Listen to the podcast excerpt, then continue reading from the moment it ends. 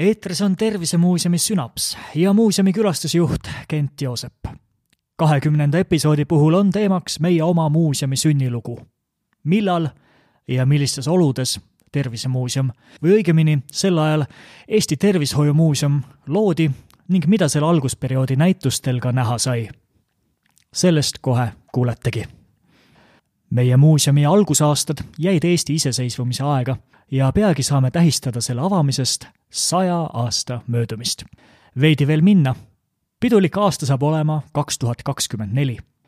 Eesti Tervishoiumuuseumi loomise mõttega tuldi esmakordselt avalikkuse ette tuhande üheksasaja kahekümne esimese aasta kahekümne kaheksandal mail, kui Estonia teatris peetud Eesti Arstide Seltside Liidu esimesel peakoosolekul võttis teiste seas sõna Tervishoiu Instituudi juhataja professor Aleksander Rammul. ta kutsus üles kõiki arste muuseumi loomisele kaasa aitama, seda nii aineliselt kui ka vaimselt. mis selle üleskutseni viis? kahekümnenda sajandi alguse olukord meditsiinis oli keeruline. haiglates valitses puudujääk nii kvalifitseeritud personalist kui ka ravivahenditest, levisid erinevad nakkushaigused, millest enim surma külvasid tüüfus, düsenteeria, leetrid, sarlakid, samuti oli probleeme elukeskkonna sanitaarse olukorraga ja rahvastiku vähese teadlikkusega nakkushaiguste levikust.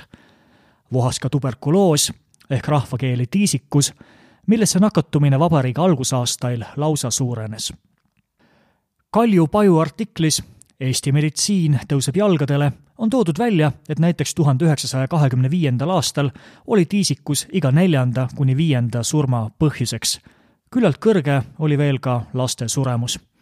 mõisteti, et paljusid neist muredest on võimalik ennetada. ennetada just inimeste teadlikkuse tõusuga.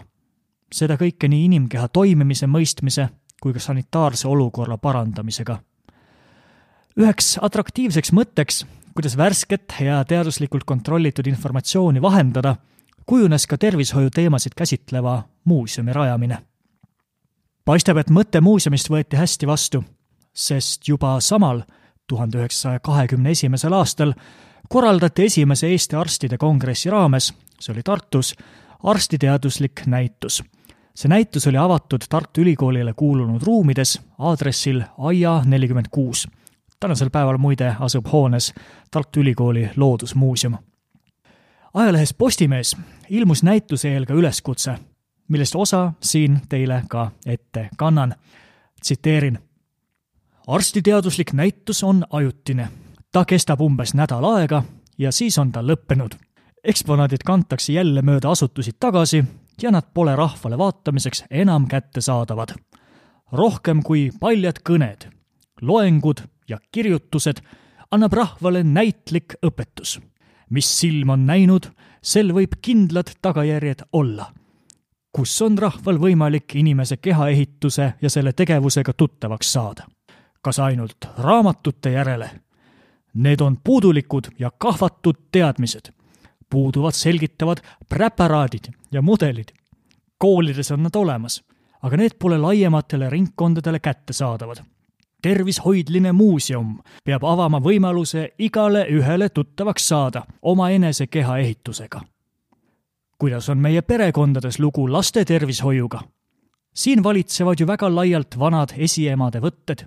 kõik see, mida teadus on leidnud sel alal parema olevat, on veel võõras suurele hulgale emadele.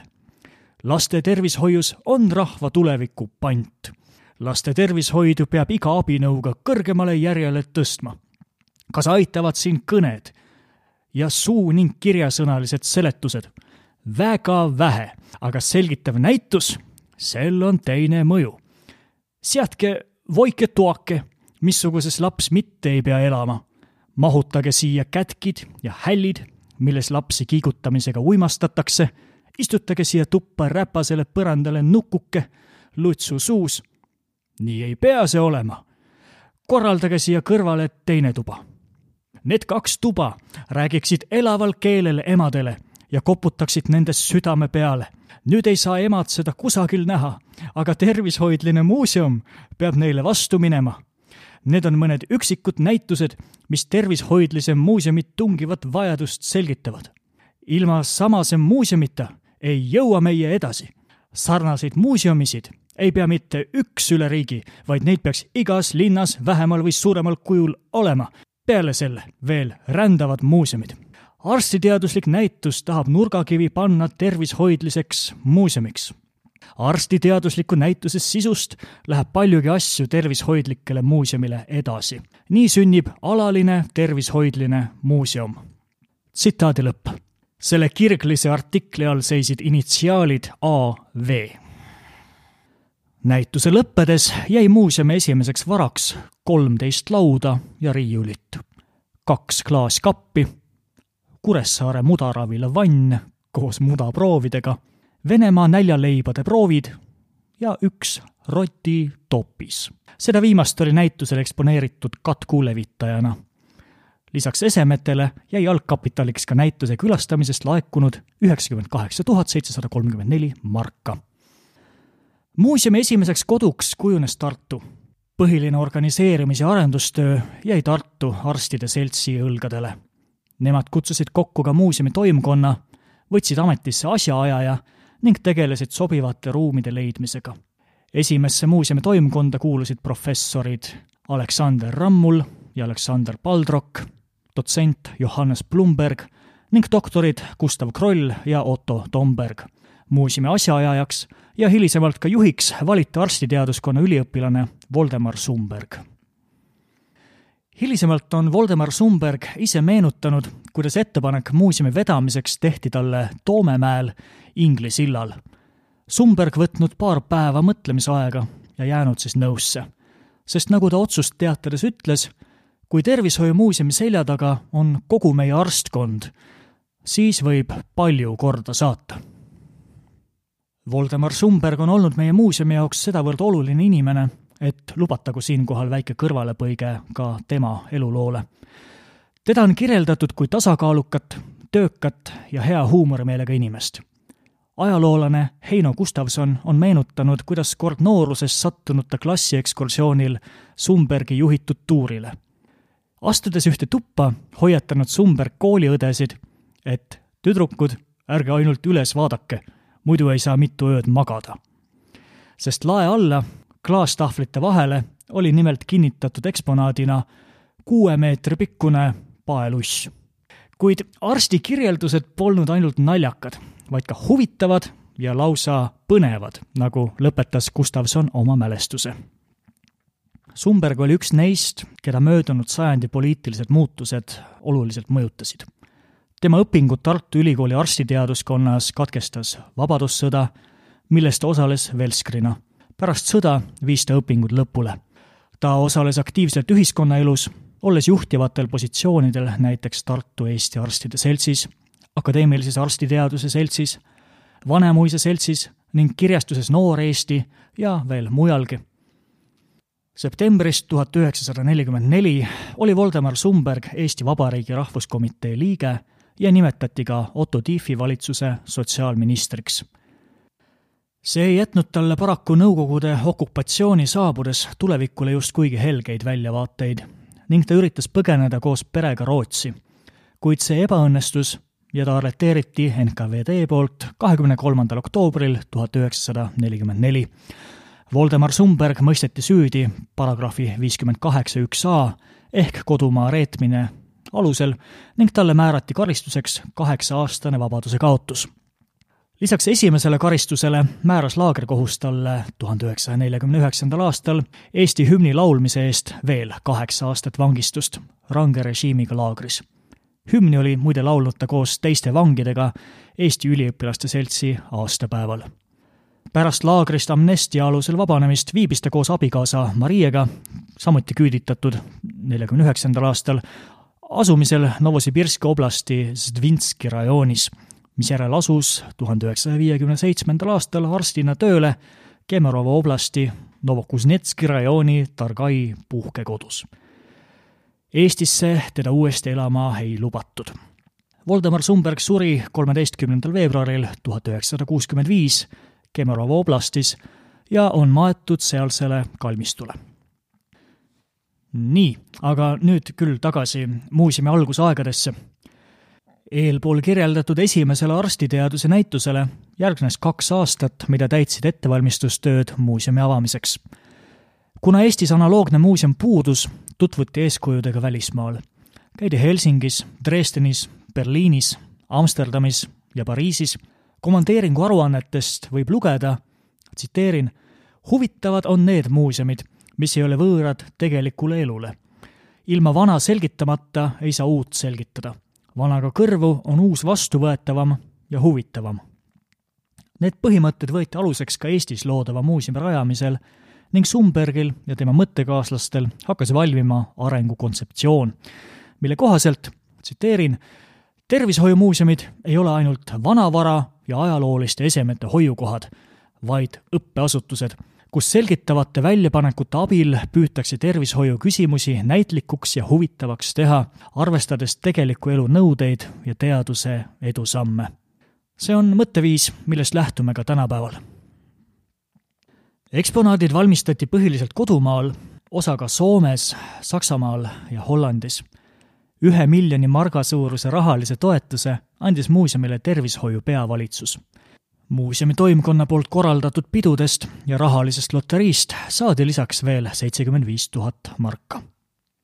loterii peaauhinnaks oli ei rohkem ega vähem kui miljon senti ning selle peavõit läks piletile järjekorranumbriga kuuskümmend seitse tuhat kaheksasada seitsekümmend kaheksa, mis oli ostetud Harjumaal Nabala vallas. õnnelik võitja oli kahekümneaastane Raimond, kes võidust kuuldes oli olnud esmalt rabatud, kuid kui oli end kogunud, ütles Järva Teataja ajakirjanikule, et kavatseb raha paigutada isa asuniku tallu ja seda muuta eeskujulikuks majapidamiseks lubas hakata naist võtma, nüüd olla see korraga võimalikuks muutunud. esimeses järjekorras aga lubas teha kinke ning neid olevat palju.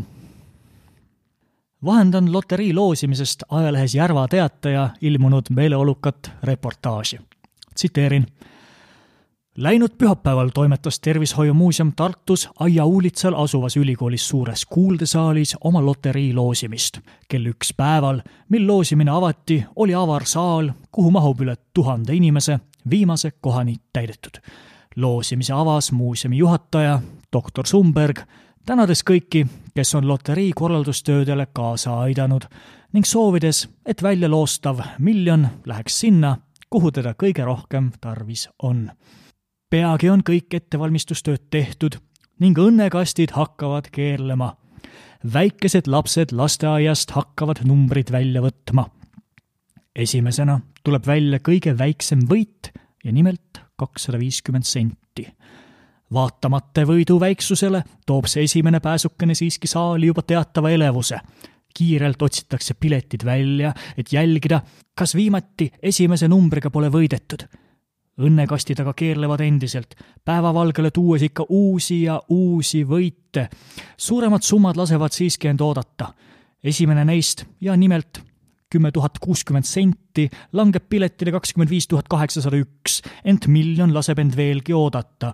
alles pärast kella kahte tuleb ta välja, langedes piletile number kuuskümmend seitse tuhat kaheksasada seitsekümmend kaheksa, milline on müüdud Harjumaal Nabala vallas miljoni väljatulekuga langeb ka publikumi elevus. ent leidub küllaldaselt ka neid, kes loosimise algusest kuni lõpuni kuus tundi järjest truult pingil istuvad. Loosimine lõppes kell seitse õhtul, nagu kuulda, olevat muuseumil loterii hästi õnnestunud. Tartus olid piletid juba laupäeval otsa lõppenud. Need kadusid enne loosimist nagu kevadine jää päikese käes. tsitaadi lõpp muuseumi toetuseks õpiti veel ära kolmevaatuseline näitemäng või nagu siis öeldi, lustimäng nimega Vooruslik elumees ning esineti sellega Vanemuises ja Estonias suure edu ja hea kassaga, nagu siis arvustati. seda kõike muuseumi loomise nimel. tehtud eeltöö võimaldas Eesti Tervishoiumuuseumi rahvale avada tuhande üheksasaja kahekümne neljanda aasta kahekümne esimesel detsembril algses kogus oli kolmsada eset. muuseum avati, nagu öeldud, Tartus ja meie esimesed ruumid olid Aia tänav nelikümmend kuus hoones, tänasel Vanemuise tänaval. olud olid kitsad, kasutada oli kaks tuba, kokku kakssada ruutmeetrit. sellel pinnal asus muuseum peaaegu kolm aastat. ajalehes Vaba Maa ilmunud artiklist võis ekspositsiooni kohta lugeda järgmist, tsiteerin. näitlikust materjalist, mida tarvitab Tervishoiumuuseum oma eesmärgi kättesaamiseks, oleks nimetada loomulikud preparaadid inimeste tervetest ja haigetest kehaosadest ja organidest, lahtikäivad mudelid, vahamulaažid, pildid, diagrammid, diapositiivid, filmid ja nii edasi. Need valmistab Tervishoiumuuseum ja annab soovijatele tervishoiuloengute, kursuste ja nii edasi pidajatele tarvitada, soovi korral maksuta. lisaks sellele annab Tervishoiumuuseum välja ja levitab odavat populaartervishoidlist kirjandust. tsitaadi lõpp. lisaks näitustegevusele korraldati pühapäeviti ka avalikke loenguid. näiteks võis kuulda doktor Ernst Säga loengut teemal kehakultuuri tähtsus tervishoius sporthaigusi ära hoidva tegurina, doktor Albert Valdesi loengut ühte ja teist südamehaigustest ja paljusid teisi paljudel teistelgi teemadel. loenguid ilmestasid selgitavad valguspildid ja ajalehe kuulutustel oli kirjas, et sissepääs kõigile maksuta. muuseumi toimkond jätkas sobivamate ruumide otsinguga. Need leiti Pepleri tänaval aadressil Pepleri kolmkümmend kaks, kus muuseum asus järgnevad ligemale kakskümmend aastat. see on see historitsistlikus uusrenessanss stiilis, linnapildis üsna eristuva arhitektuuriga, niisugune punased tellised, heledad karniisid, hoone on Riia maantee Pepleri nurgal, kinoekraan vastas. see hoone vajas eelnevalt remonti ning avati muuseumina neljateistkümnendal aprillil tuhat üheksasada kakskümmend seitse ja väidetavalt kujunes sellest üks eesrindlikum tervishoiumuuseum kogu Baltikumis, millel olid lisaks erinevatele tervishoiuteemalistele osakondadele ja loenguruumile ka oma laboratooriumid ja töötoad, kus valmistati näiteks papier-macheest ja vahast näidiseid ning milles asusid ka korterid direktorile ja teenindavale personalile kodukorraga määrati kindlaks muuseumi põhiline tegevussuund. selleks sai tervishoiu küsimuste arusaadav ja huvitav selgitamine rahvale. juhtmõte oli sealjuures, et tähtsam haiguste ravimisest on nende ärahoidmine. Eesti Tervishoiumuuseumis oli sel perioodil kuusteist osakonda, mille arendamisega tegelesid pidevalt arstide teaduslikud komisjonid. Need osakonnad olid esiteks inimese kehaehitus ja tegevus, teiseks toit ja tervis, kolmandaks hammaste tervishoid, neljandaks nakkushaigused ja nende tekitajad pisikud, viiendaks parasiidid, kuuendaks tiisikus, seitsmendaks suguhaigused, kaheksandaks ema ja lapse tervishoid, üheksandaks kasvajad, kümnendaks koolitervishoid, üheteistkümnendaks kutsetervishoid. Sulgudes töötervishoid, kaheteistkümnes õnnetusjuhud ja nendest hoidumine, kolmeteistkümnendaks esimene abi õnnetusjuhtudel, neljateistkümnendaks alkoholism, viieteistkümnes korteritervishoid ja kuueteistkümnendaks rahvameditsiin. Lisaks veel ka diapositiivide ja filmide kogu ning tervishoiualane raamatukogu püsinäitusele lisandus umbes kuuesajast esemest koosnev kogu, millega liiguti mööda Eestimaad muuseumist kaugematesse paikadesse. näiteks kümne aasta jooksul, aastatel tuhat üheksasada kakskümmend neli kuni tuhat üheksasada kolmkümmend neli, korraldati kahekümne kahes paigas üle Eesti rändnäitusi. kaasas oli ka selgitusi jagav arst. Kuna lektorite saatmine maale, seal loengute korraldamine, oli tihti seotud raskustega otsustas toimkond kasutada raadiovõimalusi. tervishoiumuuseum ja Ringhääling leppisid kokku, et muuseumist kantakse üle üks loeng nädalas. lektorite muretsemine oli muuseumi ülesanne. esimene tervishoiualane raadioloeng kõlas tuhande üheksasaja kolmekümnenda aasta kuuendal märtsil ja neid läks kaheksa aasta jooksul eetrisse kokku sada kaheksakümmend kuus saadet. mõned näited teemadest kuidas võidelda suguhaiguste vastu? mida peame teadma kogelemisest ja teistest kõnehäiretest? eluvõitlus ja närvilikkus. kas on vahet mehe ja naise hingelises struktuuris? hingehaiguste teesklemine ja sellest loodetav kasu. pühade toit ja kõhulahtisus. Kuidas töötab närvikava? rahiidi vastasest D-vitamiinist ja palju-palju-palju teemasid veel. Neid oleks ajaloosõpradel põnev kuulata nüüdki, kuid paraku pole neist ühtegi säilinud. ei meie kogudes ega ka Ringhäälingu arhiivis. kui keegi kusagil juhuslikult omab mõnd ümberlindistust või üleskirjutust, siis oleme neist väga huvitatud ja oleksime nende eest tänulikud. Regulaarselt korraldati muuseumis esimese abi ja samariitlaste kursusi. samuti esineti väljapanekutega põllundus-tööstusnäitusel Tartus, Tähtvere väljakul, kus käsitleti piimahügieeni, inimeste ja loomade ühiste haiguste ja teisi selliseid küsimusi. väga elav oli kirjandustegevus, anti välja brošüüre, plakateid, postkaarte, reklaammarke. suurtes tiraažides, see on siis viissada kuni viiskümmend tuhat, anti välja brošüüre, nagu näiteks ema ja lapse tervishoid, murdeiga ja suguline kasvatus, maohaavad, inimese soolte ussid, seksuaalküsimuste selgitamine lastele, uni ja tema häired ja palju teisi ning lendlehti, näiteks ussihammustus, tervishoiukäsud ja palju muud. muuseumi suurim väljaanne oli kaheteistkümnes vihikus aastatel tuhat üheksasada kolmkümmend kaheksa kuni tuhat üheksasada nelikümmend üks ilmunud Tervise käsiraamat, mis pidi kujunema rahvalikuks usaldusteoseks tervishoiualal. tuhande üheksasaja kolmekümne teisest aastast hakkas muuseumi väljaandel ilmuma ka ajakiri nimega Tervis, mida doktor Sumberg ise ka toimetas tuhande üheksasaja kolmekümne neljandal aastal hinnati Tervishoiumuuseumi esimese kümne aasta tegevust kokkuvõtvas ülevaates, et kui laduda kõik välja antud trükised üksteise otsa, saaksime kolmesaja seitsmekümne meetri kõrguse riida, mis seitsmekümne meetri võrra ületaks Eiffeli torni Pariisis. pildid ja plakatid veel arvestamata. lisati, et see oleks veel tagasihoidlik hinnang. ja sugugi mitte vähem olulisena soovin mina rõhutada, et vähemalt tuhande üheksasaja kolmekümne viiendal aastal olid Tartu kõige suurepärasemad sirelid, jah, sirelid, just nimelt Eesti Tervishoiumuuseumi aias. Neid maksab vaadata ja nad on ühtlasi muuseumi üheks mõjusamaks väljapanekuks.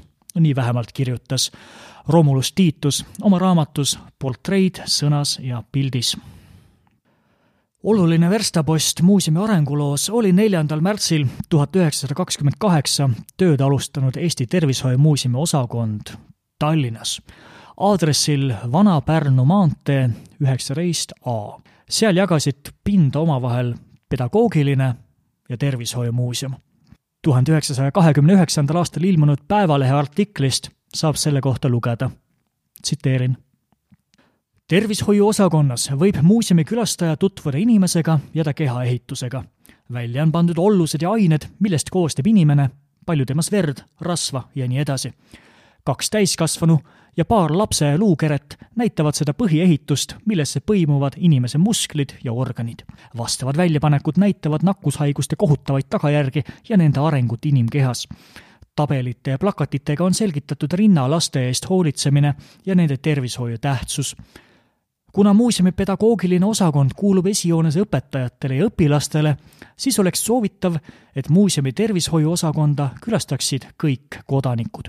kuigi siin pole tervishoiuala esitatud nii suures ulatuses kui Tervishoiumuuseumis Tartus, pakuvad siiski needki väljapanekud kodanikule paljugi juhatusi ja näpunäiteid, mis tervishoiu mõttes tuleb kasuks kõigile. tsitaadi lõpp.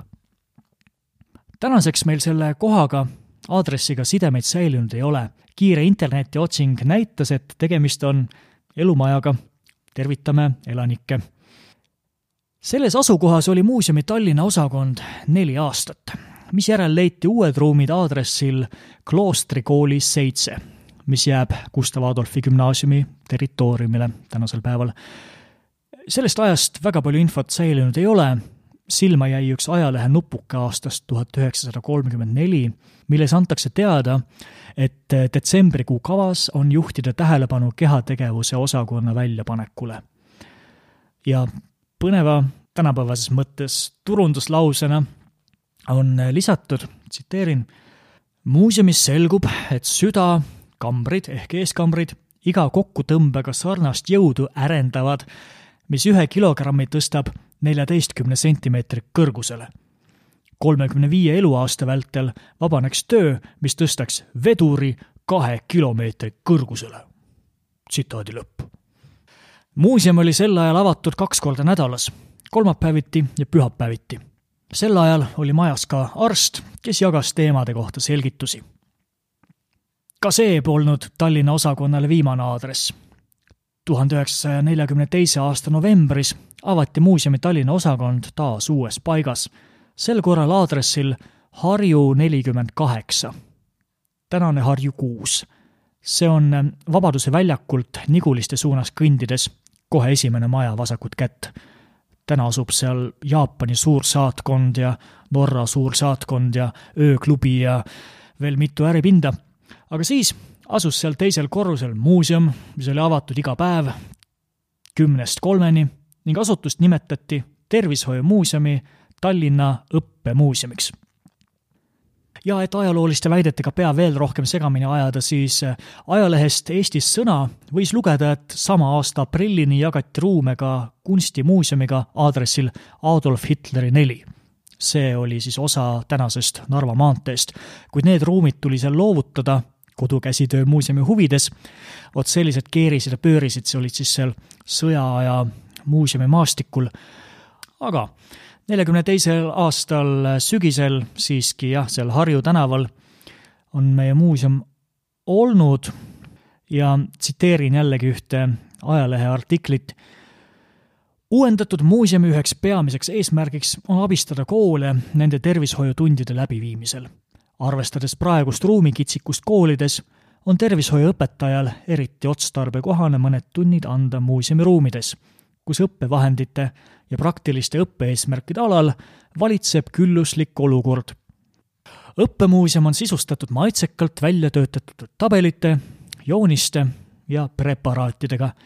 kõikjalt vaatab vastu tehniline hool ja kunstiline maitsekus, mis kergendab paljude väljapanekute jälgimist õppemuuseumi kõik kolm ruumi, milledes on käsitletud nakkushaigusi, laste tervishoidu, inimese kehaehitust, esmaabi ja toitlustervishoidu, on sisustatud rohkete ja väärtuslike väljapanekutega. tsitaadi lõpp. sama väljaande poolt detsembris ilmunud reportaažist saab muuhulgas teada, et juba sel ajal hindas Tervishoiumuuseum käed külge tegevusi. tsiteerin kopsumahtu on võimalik mõõta spiromeetriga. vastav riist on muuseumis olemas ja seda võib kasutada iga muuseumi külastaja. Juures asetsevalt näitlikult plakatilt võib lugeda, et inimese kopsude keskmine õhumaht on viis tuhat viissada kuupsentimeetrit ja kelle kopsude õhumaht ei ole küllaldane, võib seda edukalt suurendada hingamisharjutuste kaudu. tsitaadi lõpp spiromeeter muide on seadeldis, mis mõõdab sellesse puhudes välja hingatava õhu mahtu ja kiirust. tsiteerin veel reportaaži viimast lõiku, mis annab hästi edasi ajastu vaimu. tsiteerin. Ühel postkaardil on kujutatud punasekleidiline imik, kes hoiab käes paberit, millele on kirjutatud meie nõuame terveid vanemaid, ema rinda, päikest, värsket õhku, puhtust, kuivi mähkmeid, oma voodit, korralikku toitmist ja kaitset kärbeste eest. aasta oli siis tuhat üheksasada nelikümmend kaks. see on ka viimane aasta, mille alt suutsin leida informatsiooni Tallinna osakonna kohta. muuseum tervikuna töötas ja arenes jõudsalt kuni Eesti okupeerimiseni tuhande üheksasaja neljakümnendal aastal. kahekümne kolmandal augustil tuhat üheksasada nelikümmend kuulutas ENSV presidendi kohusetäitja Johannes Vares Barbarus välja eramuuseumite riigistamise seaduse, millega riik võttis tasuta üle kõikide eramuuseumite ja neid ülal pidavate asutuste varad. Tartu Tervishoiumuuseum oli külastajatele avatud veel neljakümnendate lõpus, kuid oli viidud juba vabariikliku sanitaarharidusmaja alluvusse ja hakkas alla käima. saabus seisak, mida võimendas tuhande üheksasaja neljakümne neljas aasta mil meie esimene juhataja, doktor Voldemar Sumberg, NKVD poolt arreteeriti ja Siberisse vangilaagrisse saadeti. Aasta-aastalt kasutati Tervishoiumuuseumi nimetust järjest vähem ja läks nii, et neljakümne kaheksandal aastal oli maja nimeks juba Vabariiklik Sanitaarharidusmaja. sellest ajast alates lakkas Eesti Tervishoiumuuseum sisuliselt eksisteerimast. kaasaegsete mälestuste põhjal oli osa eksponaatidest selleks ajaks juba hävitatud, vahast mulaažid lõhutud, vaha mesinikele müüdud, vaskkesemed rahaks tehtud, osa esemeid lihtsalt laiali kantud hävis doktor Sumbergi ja paljude teiste elutöö. on teada, et vabariikliku sanitaarharidusmaja näitusena jäeti üks näituseruum tuhande üheksasaja viiekümne teisel aastal veel alles, kuid lõpuks läks seegi Tartu Meditsiinikooli käsutusse. ja Eesti Tervishoiumuuseumi mõttes saabus vaikus. kitsamates ringides meenutati küll olnut ja peeti plaane tervishoiuteemalise muuseumi taasasutamiseks, kuid järgmised pea kolmkümmend aastat möödusid tervisehuvilistele peaasjalikult vabariikliku sanitaarhariduse maja trükiseid sirvides. tervishoiumuuseumit polnud olemas. kuniks seitsmekümnendatel hakkasid asjad jälle liikuma tuhande üheksasaja seitsmekümne neljandal aastal juhtis Eesti NSV Ülemnõukogu meditsiinitöötajate tähelepanu sellele, et sanitaarharidustöö edasiarendamiseks oleks vaja Eestis luua tervishoiumuuseum. sealjuures räägiti loomisest, mitte taastamisest. justkui polnuks varasemat kahtekümmend aastat muuseumi tegevust olnudki. seitsmekümnendate lõpuks oli valitsuse nõusolek olemas ja idee küps tervishoiumuuseum avati taas kolmekümne esimesel jaanuaril tuhat üheksasada kaheksakümmend Tallinnas Tüve tänav kakskümmend viis meditsiinikooli neljandal korrusel. sama aasta lõpul kinnitati muuseumi direktoriks Helle-Reet Martinson, kes pidas seda ametit järgnevad kakskümmend seitse aastat. algas muuseumi teine periood. vanalinnas, muide, Laial tänaval, seal kus praegu, aadressil Lai kolmkümmend ja kakskümmend kaheksa, oleme alates viieteistkümnendast juulist tuhat üheksasada kaheksakümmend üheksa. kuidas toimus kahe keskaegse hoone muuseumiks renoveerimine ja milline nägi välja elu Tervishoiumuuseumis kaheksakümnendatel ja üheksakümnendatel, loodan rääkida juba edaspidi.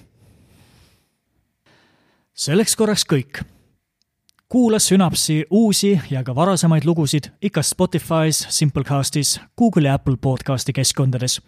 külasta ka meie teisi virtuaalkanaleid, Facebook, Instagram ja Youtube on alati avatud, nagu ka meie koduleht. ja veel parem, tule muuseumisse.